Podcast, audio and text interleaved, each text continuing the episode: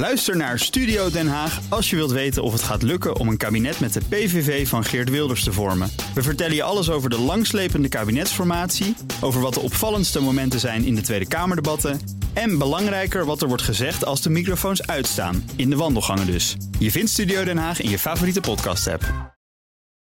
BNR Nieuwsradio. BNR Zaken doen. Paul.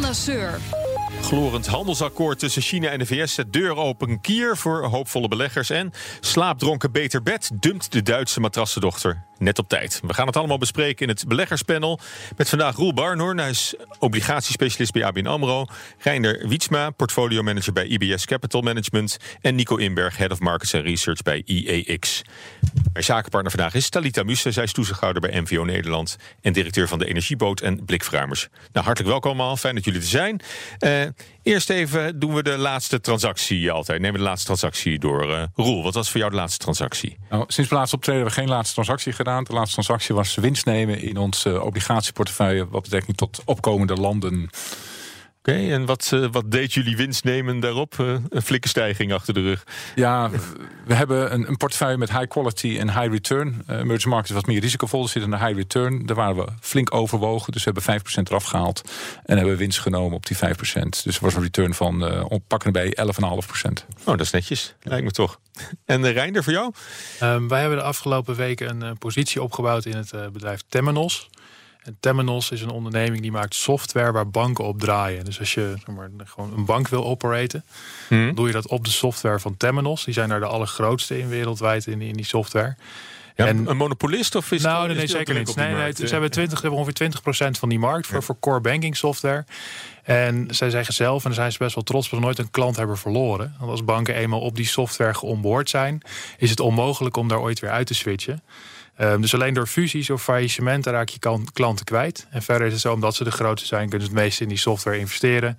Trekken ze ook weer veel nieuwe klanten aan. Is absoluut geen goedkope onderneming ook. Maar het groeit ook met meer dan 15% per jaar. En uh, nou, management uh, verwacht het nog even. Van? Wij verwachten in ieder geval dat dat nog wel even kan voortzetten. En uh, nou, gegeven de hele markt waarin zij opereren, is er ook heel veel niet om, om efficiënt te werken. Oké, okay, en Nico, voor jou? Uh, ja, ik, ik, heb een klein beetje winst genomen op mijn positie in Altis. Dat ging uh, erg hard omhoog. En uh, kan nog wel hoger, maar denk iets geld van tafel gehaald. En geherinvesteerd in ING. Oké. Okay. Ik, ben wel, ik denk dat de banken wel toe zijn aan een, aan een verder ritje omhoog. En bij ABN, ABN is natuurlijk eigenlijk nog iets, iets goedkoper. Maar daar hangt nog, wel, nog een donderwolkje boven het aandeel. Mm. Dat ING al gehad heeft. Dus ik, we gaan kijken hoe dat gaat. Oké, okay. nou, Interessant. Uh, ja. Dan de handelsdeal tussen China en de VS. Hè. Good things are happening at China Trade Talk meeting. Hè. Dat was de tweet van, uh, van president Trump uh, vrijdag. Nou ja, het, het, het, blijkt allemaal niet zo voortvarend te zijn. De, de, deal is er nog niet. Voor mij is het nog niet getekend. Maar als het deelakkoord er komt, gaat het dan voor goede dingen zorgen? Zijn, zijn jullie daar opgelucht over? Of is, het, nou, is dat ik, te vroeg? Ik zou zeggen dat het nog een stukje te vroeg is om al nou ja, met, aan beide kanten met witte vlaggen te zwaaien. Mm. ze hebben nu in eerste instantie gezorgd dat ze het niet verder escaleren. Nou, daar is iedereen wereldwijd blij mee. Um, maar er is nog een hoop dingen die, die onopgelost zijn. En voor Amerika natuurlijk ook voornamelijk die, die transfer van technology. Mm -hmm. uh, als je in China zaken wil doen, dat je ook heel veel, veel IP moet overdragen. Ja, dat is uh, ja, voor veel partijen een doorn in het oog. En dat is nog helemaal niet opgelost. Ja.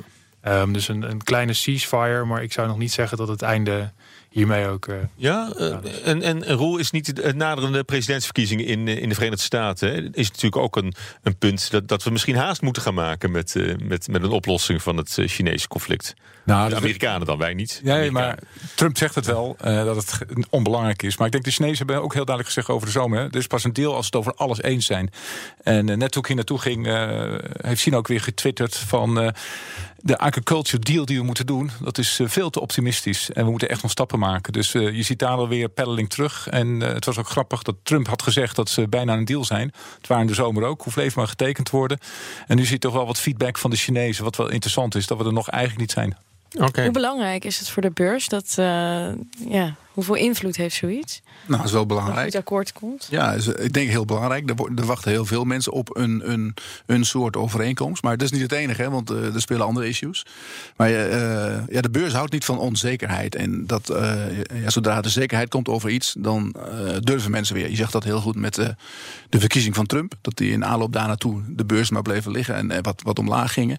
En toen hij één keer verkozen werd, eh, was Eigenlijk was de de markt daar een beetje bang voor. Maar dat, dat ging uiteindelijk ging de beurs gewoon omhoog. Omdat er dan een stuk onzekerheid van tafel is. En dan, dan weet je in ieder geval. Dus nou, inhoudelijk maakt het niet zoveel uit wat er precies gebeurt, maar meer dat het stabiel Nou ja, is. kijk, de, de, de bedrijven, ook als je terugkijkt naar echte beleggers, die, die, die kopen gewoon goede aandelen die altijd wel hun business Ja. ja, weten te genereren. En natuurlijk moet je een beetje schuiven links en rechts als dit soort dingen gebeuren. Maar eh, op de lange termijn is, ja, ik wil niet zeggen dat het ruis is, maar het is wel iets wat, wat, wat, wat eh, ja, waar de bedrijven maar mee om moeten gaan. En dat doen ze dan ook. Ja. Ja. Nou ja, goed, volgens, eh, volgens Trump, hè, in die tweet dan vrijdag, is, is hiermee een eerste fase bereikt van een, van een complete handelsdeal. D- daar is nog wat op af te dingen, maar er zou over intellectuele eigendom, financial services en de grote aankopen van de landbouwproducten, dat was waar jij het over had, denk ik, eh, Roel, zou een overeenstemming zijn bereikt. Welk van die thema's is nou het belangrijkste? Ik had, ik had ook het idee dat, dat intellectuele eigendom eigenlijk vanaf het begin een van de, een van de belangrijkste splijtswammen was hè, tussen, tussen de VS en China. Ik zou zelfs zeggen dat, dat ehm, Trump en, en überhaupt Amerika maken een enorm probleem van staal en van het oude industrieën. Maar dat juist aan de Autobanden, mij. autobanden en een heel veel van niche onderwerpen die echt voor, de, nou, voor Mid-Amerika nog belangrijk zijn. Maar dat de grote issues natuurlijk zijn technologie, overdracht, het stelen van ehm, nou ja, Amerikaans bezit. Door, in Precies. in de- ehm, en daar zit een hoop van het, eh, van het zeer. Eh, want de markt is ongelijk. Want Amerikaanse ondernemingen moeten en heel veel overgeven als ze in China zaken willen doen. Maar Amerika was één groot open paradijs voor Chinezen. En Amerika heeft natuurlijk een goed punt dat dat oneerlijk is. Geldt overigens ook voor ons Europeanen. Ehm, dat het niet wederkerig is. En Dus wij- wij laten de Amerikanen eigenlijk de, de kolen uit het vuur halen voor ons. ja, dat hebben we vaker gedaan. En in dit geval doet Trump dat op een manier waarvan je, waar je heel veel op kan afdingen. Eh, met Nou, tweets. en- onafvolgbaar. onafvolgbaar. Eh, nou ja, het is, het is moeilijk om te volgen. En, en Maar hebben we voldoende positie en gewicht om andersom die gelijke eisen te stellen richting China? Want de Chinese markt is veel groter andersom voor de westerse producten dan voor China, onze markt. Dus, of in mijn beeldvorming, hè, staat Europa staan als een ongelijke geheel- positie. Europa als geheel is groter dan eh, Amerika of dan China. Alleen moeten we wel samenwerken. Ja, Dus precies, ne- Dus, ja. de 16, 17 miljoen Nederlanders die, die tezamen naar China kijken, die maken geen vuist. Maar Europa breed hebben we wel degelijk een, goed punt. Maar in de verhouding VS-China, hoe, hoe zie je dat? Daar zijn we een, een, gewoon een volwaardig derde speler. Want we hebben heel veel hele belangrijke technologie. Eh, Denk maar aan het maken van, van computerchips. Waar ASML ja, de leverancier is voor de machines om computerchips mee te maken. Dat moet gebeuren. En zonder kunnen de Chinezen of de Amerikanen dat niet doen. Dus we zijn echt een heel belangrijke speler. We moeten alleen samenwerken. Ja. Maar als we trend doornemen, dan brokt het natuurlijk wel af. Hè? Want er zijn Ja. natuurlijk ook eh, kapitaalstromen vanuit China... die natuurlijk in Europa beleggen. Ja. Maar ook van Chinezen in Amerika. Dat is allemaal vervlochten. Dus ik kan op, het eind van de dag kan je niet zien of het een Chinees of Amerikaans bedrijf is. En daar komt nu gewoon een heel duidelijk eh, keerpunt in... van wat is van ons en wat is van jullie. En hoe gaan we daarmee om? En in hoeverre hebben individuele bedrijven nou daadwerkelijk last van die, van die hele tarievenverhoging? Of is het, is het vooral een kwestie van de, de economische groei van in, in de wereld valt hierdoor terug, door die onzekerheid? Nou, je ziet wel dat ze daar wel last van hebben. Kijk, het is. Het, En je hebt Philips gehad met die Ja, verschilt natuurlijk per sector. Maar het is ook wel een beetje zo nu met die winst. Die winstwaarschuwingen voor bedrijven is het heel verleidelijk om te zeggen: als het, komt China. als het niet zo goed gaat, dan kan je alles op de handelsoorlog afschuiven. Dus eh, je zag ook bij eh, Philips die winstwaarschuwingen, er zaten allerlei elementen in. En dan eh, komen ze toch naar buiten met ja, het ligt aan de handelsoorlog. En dan, is, dan, is, en dan houdt iedereen op te vragen. Ja, oké, dat, dat, dat lijkt logisch. En dan hoef je niet met, met je billen bloot, zeg maar. Maar er zijn wel, als je kijkt per eh, sector. Als je bijvoorbeeld kijkt naar de eh, staalsector, daar zie je heel duidelijk verschuivingen. Hè. Dat bijvoorbeeld in Amerika is de staalprijs was nog redelijk hoog, omdat Amerika hoge tarief oplegde. Dus die, die beschermde haar eigen markt, waardoor de Amerikaanse bedrijven die konden nog goed geld vragen eigenlijk. Eh, maar de Chinezen die hebben overtollig staal, die, die hebben te veel staal, die, die gingen dat dan naar Europa brengen. Dus je zag in Europa dat bij ons staalprijs omlaag ging. Je ziet ook dat de eh, staalbedrijven in Europa Door die dat, dumping uit, eh, uit ja, China. Ja, dat die hun productie verlagen. Dat heeft hier heel veel invloed. Ja. We gaan door naar het eh, Verenigd Koninkrijk. Dat ook altijd een vast onderdeel Ja. in dit eh, programma. Je hebt de handelsoorlog Ja. en je hebt eh, de Brexit. Eh, koningin Elizabeth heeft eh, de eerste door Boris Johnson geschreven troonrede uitgesproken. En de prioriteit is nu echt om 31 oktober eruit te stappen. Dat is, eh, dat is de, eh, de, de, de lijn. Is dat, eh, is dat realistisch met nog eh, nou, twee weken te gaan? Het wordt wel een beetje kort dag. Maar goed, ik zei ook al, ook al, ik was eerder in het programma, van het begint nu wel, begint nu wel ergens op te lijken. Je zag ook aan de valuta en dat, dat eh, ja, de pond nu echt begint op te lopen. Dus het zou, zou zomaar kunnen dat er een deal komt. Ja. En ook wa- wat je net zei, Nico. eh, eh, de markt vindt het fijn als er eindelijk zekerheid is. Ja. Dat een einde aan de, aan de onzekerheid en, Ja. en alle twijfels. Dus eh, het maakt eigenlijk niet meer uit voor de markt welke kant het, Nou ja, het, kijk, het er zal wel- opvalt. Er zal wel wat gebeuren als het, als het niet goed gaat, als er geen ordentelijke eh, brexit is. Maar je, kijk, Engeland blijft daar wel liggen. Er zijn ook andere landen die niet, die niet in de EU zitten. Die, ja, daar, daar, daar ademen ze ook nog steeds. Dus uiteindelijk zal het wel ja, goed komen. Maar de, de, de transitie er naartoe is natuurlijk moeilijk. En een no deal wil zeggen dat je alles eh, opnieuw moet beginnen. Begint er weer op nul. Je hebt geen overeenkomst met geen enkel land. En dat brengt de onzekerheid. Dus je kan niet doorschakelen, je kan niet investeren. Je kan niet beleid maken naar de toekomst toe. Dat is de hele onzekerheid. Ja. En, en ze hebben een eigen achterban natuurlijk in het, eh, het gemene best eh, nog een beetje, de, de Engelsen. Het is de, de, de, de Empire wordt nog... eh, Nou, het gemene best is nog steeds een vrijwillige organisatie. Hè? Het is dus eh, nergens op gebaseerd. Dus Ja. ja, nee, maar het blijft, eh, het blijft, blijft lastig. Want, eh, wat denk jij, Reinder? Hoe, Nou eh, ja, onder druk wordt alles vloeibaar. En het had me hoogstelijk verbaasd als ze er in één keer heel snel uit zouden, zouden komen. Dus 31 oktober is nu de deadline. En het zal er wel op neerkomen dat we vlak daarvoor of nog een klein beetje uitstel krijgen. Of dan eindelijk wel iets gaan regelen. Eh, maar het duurt nu al meer dan drie jaar. En eh, nou, het zal wel een keer geregeld worden. Maar als belegger zelf maak ik me er niet al te veel zorgen om. In die zin dat ik beleg voor de lange termijn. Binnen nu en een eh, x-periode zal het eh, een keer geregeld Tegen die zijn. tijd zal het wel, eh, zal het wel geregeld zijn. Ja, en dan uh, Rette Katet. Hoofdpijndossier Duitsland is afgesloten. En dat zorgde voor een koersexplosie bij Beter Bed. Maar is het bedrijf nu gered? Dat zo. BNR Nieuwsradio. BNR Zaken doen. Waarin je luistert naar het beleggerspanel met daarin eh, Roel Barnhoorn, obligatiespecialist bij ABN AMRO, Reinder Wietsma, portfolio-manager bij IBS Capital Management en Nico Inberg, Head of Markets and Research bij IEX. En mijn zakenpartner Talita Muse. Ja, het wil niet echt eh, vlotten met beursgangen dit jaar. Dat is een onderwerp wat we even bij de kop eh, pakken. Na onder meer Leaseplan blies ook CM vorige week de beursgang op het nippertje af.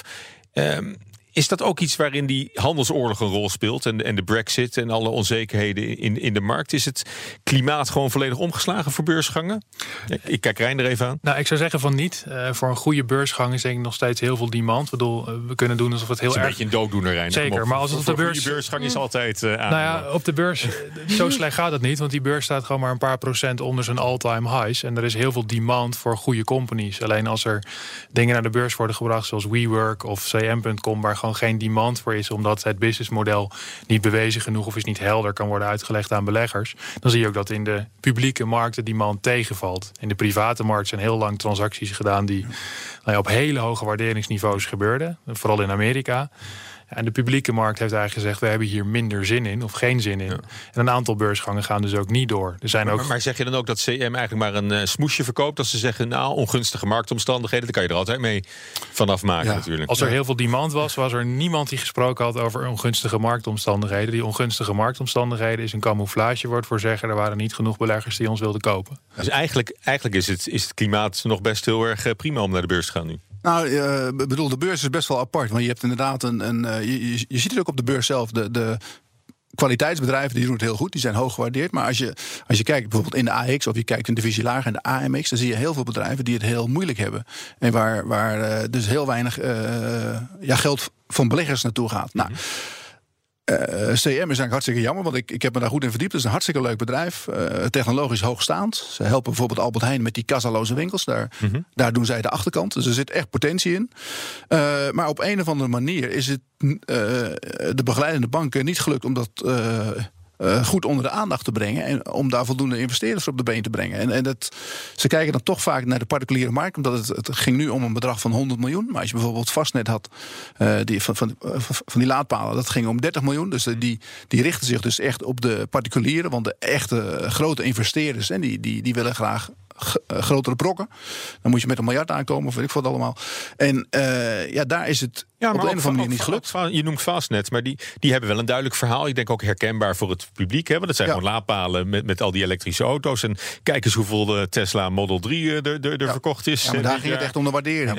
Daar ging het echt om de waardering, omdat het- dat. eh, Ja, want die hebben het uitgesteld. Hè? Die hebben het niet helemaal afgeblazen. Nee, maar dat, dat was ook een farce hoe ze dat deden. Want ze zouden eerst die transitie hebben van de ene beurs naar de andere beurs. En toen hebben ze een week voor tijd gezegd: Oh, we gaan ook even een emissie doen. En, en een dag voor tijd werd de emissie afgeblazen. Dus dat was amateurisme ten top. Oké, nou.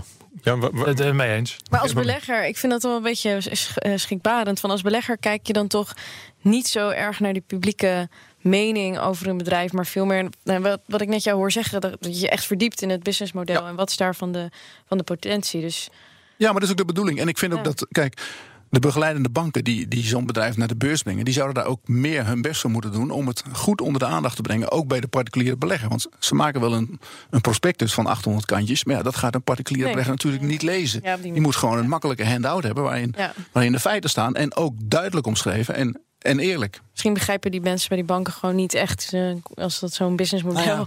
Ja, die, die zit ook vast in allerlei regels, dus daar, daar, daar hoort ook een niet echt de prospectus bij. essentie van waarom dat potentie heeft. Ja. Ja. Maar goed, dat gebrek aan belangstelling bij particuliere beleggers is dus echt eh, bedrijfsspecifiek. En dat is, dat is niet iets eh, dat ze kopschuw zijn geworden. Dat ze denken van nou, het is, het is al wel erg. Nee, dat denk het ik is ook. al wel mooi geweest. Dat denk ik ook, want eh, we hebben de beursgang gezien van Adyen. Nou, dat, dat, was, dat was niet aan te slepen. Maar dat is alweer even geleden hoor. Jawel, maar goed, een goed bedrijf of een mooi bedrijf, daar is wel interesse voor. En, en eh, je moet toch op een of andere manier dat bedrijf zien te verkopen. Want dat is het natuurlijk. Goed, in het buitenland is het dan niet anders. Hè. WeWork heeft ook een, eh, die naam Vilocaleven heeft ook al een beursgang afgeblazen. Blijkt nu ook dat ze er veel slechter voor staan. eh, nog slechter Ja. dan, eh, dan het. hoe, waar, waar komt dan toch dat optimisme bij dat soort bedrijven vandaan om, om wel die beursgang aan te kondigen? Want, wat, ja, het lijkt me dat je er weer zelf in moet geloven voordat je, voordat je die stap zet. het- het is een soort cycle waarin venture capital natuurlijk heel lang bedrijven als Uber, Lyft, Slack, WeWork allemaal heeft opgeklopt. En de groeipercentages waren er ook om het verhaal te supporten. Alleen de publieke markt, dus nou, wij allen aandeelhouders, eh, moeten daar op een gegeven moment ook ja, een prijs voor gaan betalen. En als in de private markt de waarderingen worden betaald die de publieke markt niet wil betalen, dan zie je dat zo'n beursgang niet op de gehoopte waardering komt. En in het geval van Uber en Lyft is het net aan gelukt om een bepaalde waardering te halen.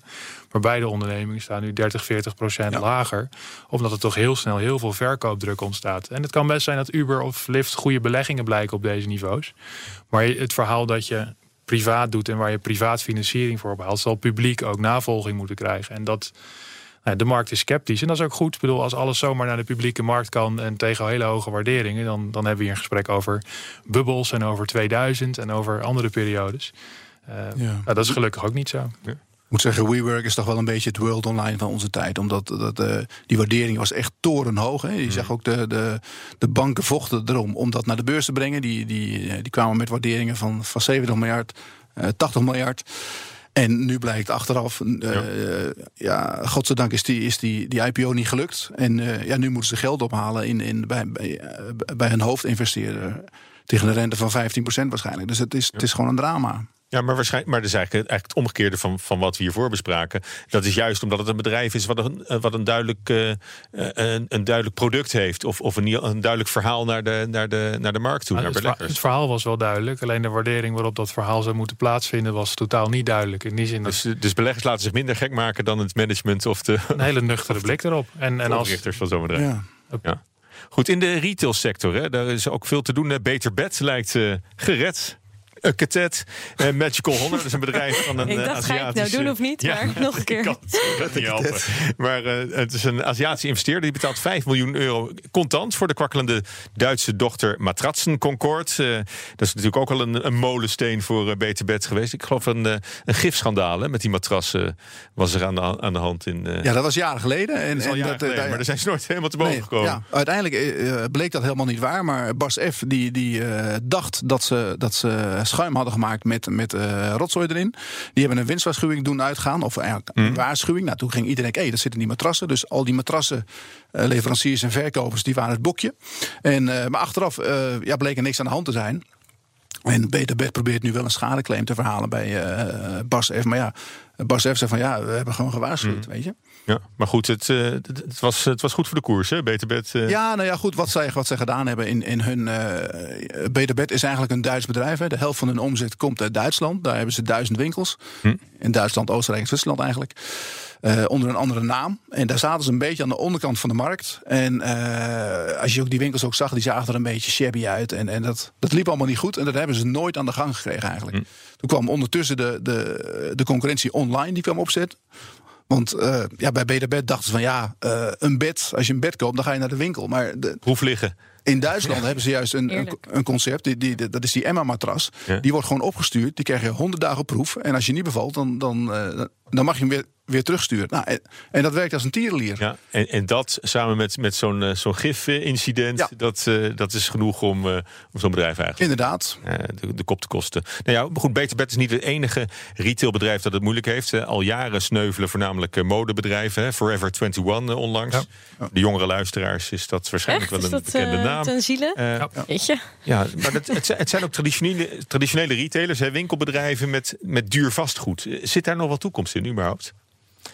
Het is ook een beetje wat. Eh, kijk naar Apple. En dat heeft met de conjunctuur natuurlijk te maken. Ik bedoel, het is een trend. Je ziet vernieuwingen. Eh, om even terug te komen, ik kom van de fixed income kant. Dus we kijken meer naar recessie aan. Hè. Mensen denken, oh, dat zijn de eerste signalen. Maar als een recessie, ik bedoel, werkloosheid is nog nooit zo laag geweest. Nee. Eh, daarnaast heb je ook bedrijven die gewoon moeilijk hebben. Ja. Maar dit zijn gewoon conjuncturele bedrijven die mee moeten doen, hè, net zoals Beterbed, met internet. Dus het zijn ook eh, de spillovers die je hebt van een oude economie die naar een nieuwe economie gaat. Ja. En dat, ja, dat betaal je dan gewoon. Juist in de fashion. En, en met, met, natuurlijk met, met. Intertoys en met, eh, met V&D en eh, Hudson Ja, Bay. ook Ja. Hudson B natuurlijk. De, de, de een aan de ander vertrekt. Maar dat is gewoon omdat dat, eh, dat is gewoon iets van de vorige eeuw. Retail is ook een heel moeilijk businessmodel. Je moet heel hard blijven werken om het goed te doen. Aan de andere kant hebben we een bedrijf als Apple dat aan de lopende Ja. band mooie winkels opent. Prachtige panden in alle hoofdsteden. Ja. En die doen het fantastisch. Het is het waardevolste bedrijf ter wereld. Op de beurs genoteerd. Ja. Eh, Ja, dus goed, als je het maar concept dat- dat- goed doet, kan het Dat heel Apple iets anders dan Forever 21, denk ik. Maar Absoluut. als je het over eh, Louis Vuitton hebt bijvoorbeeld, die, die, doen het, die doen het wel weer heel erg, heel erg goed. Nou, het zijn Dat met name wel de sterke merken. hè. De sterke merken die gaan toch wel door. De LVMH had fantastische cijfers. en Die, die verkopen in China heel veel. Daar, eh, het groeit 15% daar. In Amerika eh, eh, eh, ja, zijn ze ook hard aan het groeien. Dus sterke merken doen het goed. Maar eh, eh, met name het eh, middensegment die in de retail heeft het heel moeilijk. Omdat er is natuurlijk een enorme concurrentie van online. Ja. en mensen gaan heel vaak dan gaan ze naar een winkel toe en dan kopen ze thuis. Maar goed, Louis, thuis. Louis Vuitton doet het wel goed, maar Hugo Boss, dat, dat is dan één, twee treetjes lager in, eh, eh, in, in, in, in niveau. Die, die heeft dan wel weer flinke verliezen, ook in Hongkong Ja. Bijvoorbeeld. Maar dat, Ik eh, zou zeggen dat het merk van Louis Vuitton en zeker alle goederen die ze daaromheen verkopen met de champagnes en de kleine handtasjes van een heel hoog, veel sterker niveau is Ja. dan Hugo Boss. ja. Eh, dat echt in een heel ander segment zit. En de high-end, dus de Chanel's en de, Hugo, of de, de Louis Vuittons, die hebben het heel goed. is echt Die buiten, buiten, echt- schot eh, blijven. Ja, die hebben ook een heel ander prijspunt dan waar Hugo Boss of waar Ralph Lauren op. eh, Maar zij hebben ook heel knap, Louis Vuitton, dat zie je ook bij het bedrijf achter Gucci, die meerdere merken heeft. Die hebben echt supergoed die online strategie. En het eigenlijk rebranden voor een jongere doelgroep. Dus ze Ja. hebben al die merken die daaromheen hangen, want ze hebben echt heel veel merken. Die hebben ze echt helemaal verbouwd en de logo's verbouwd. En echt super snel ingezien van dan moeten we. We kunnen het niet meer alleen maar hebben van de oude rijke vrouwtjes. Die, eh, Absoluut. Dat, een hele goede het online strategie. Heel veel heel nieuwe precies. producten die de winkel elke week eh, binnenkomen. Zodat Mm. klanten ook blijven terugkomen. ja, dat, En een laag prijspunt voor heel veel kleine merchandise. Waar wel heel Ja. veel aan verdiend wordt. ja. En de, de hermessen van deze wereld hebben dat eh, nou, heel goed Ja. begrepen. Ja. Nou, we hebben nog, eh, nog tijd voor een eh faillissement. Altijd gezellig om mee af te Oh, sluiten. Het eh beursgenoteerde biotechbedrijf Esperite ging eh, op de fles vorige week. Het bedrijf werd bekend door stamcellenbank CryoSafe. En nou, ze vechten het faillissement aan. Maar de koers is wel helemaal in elkaar gedonderd. natuurlijk. Ja, ja, en dat is met name jammer voor een Australische investeerder. Want wat die bedrijven dan doen. Kijk, die bedrijven die waren al bijna failliet, maar die hadden geld nodig. En dan zoeken ze iemand aan wie ze obligaties kunnen uitgeven. Converteerbare obligaties. En, en in dit geval hadden zij een Ze hebben een Australische. Australiër gevonden. Australisch hedge fund, die nam die obligaties af, iedere keer per 25.000. Werden snel omgezet in aandelen en de aandelen werden, werden gedumpt op de beurs. Dus de, de particuliere belegger werd eigenlijk misbruikt. Ja. Eh, ja, zou je wel kunnen zeggen, de- om, om, om, om op een of andere manier via een omweg aandelen uit te geven. En dat spel is nu over. En dat is een dure les, denk ik. Ja, nou ja, goed.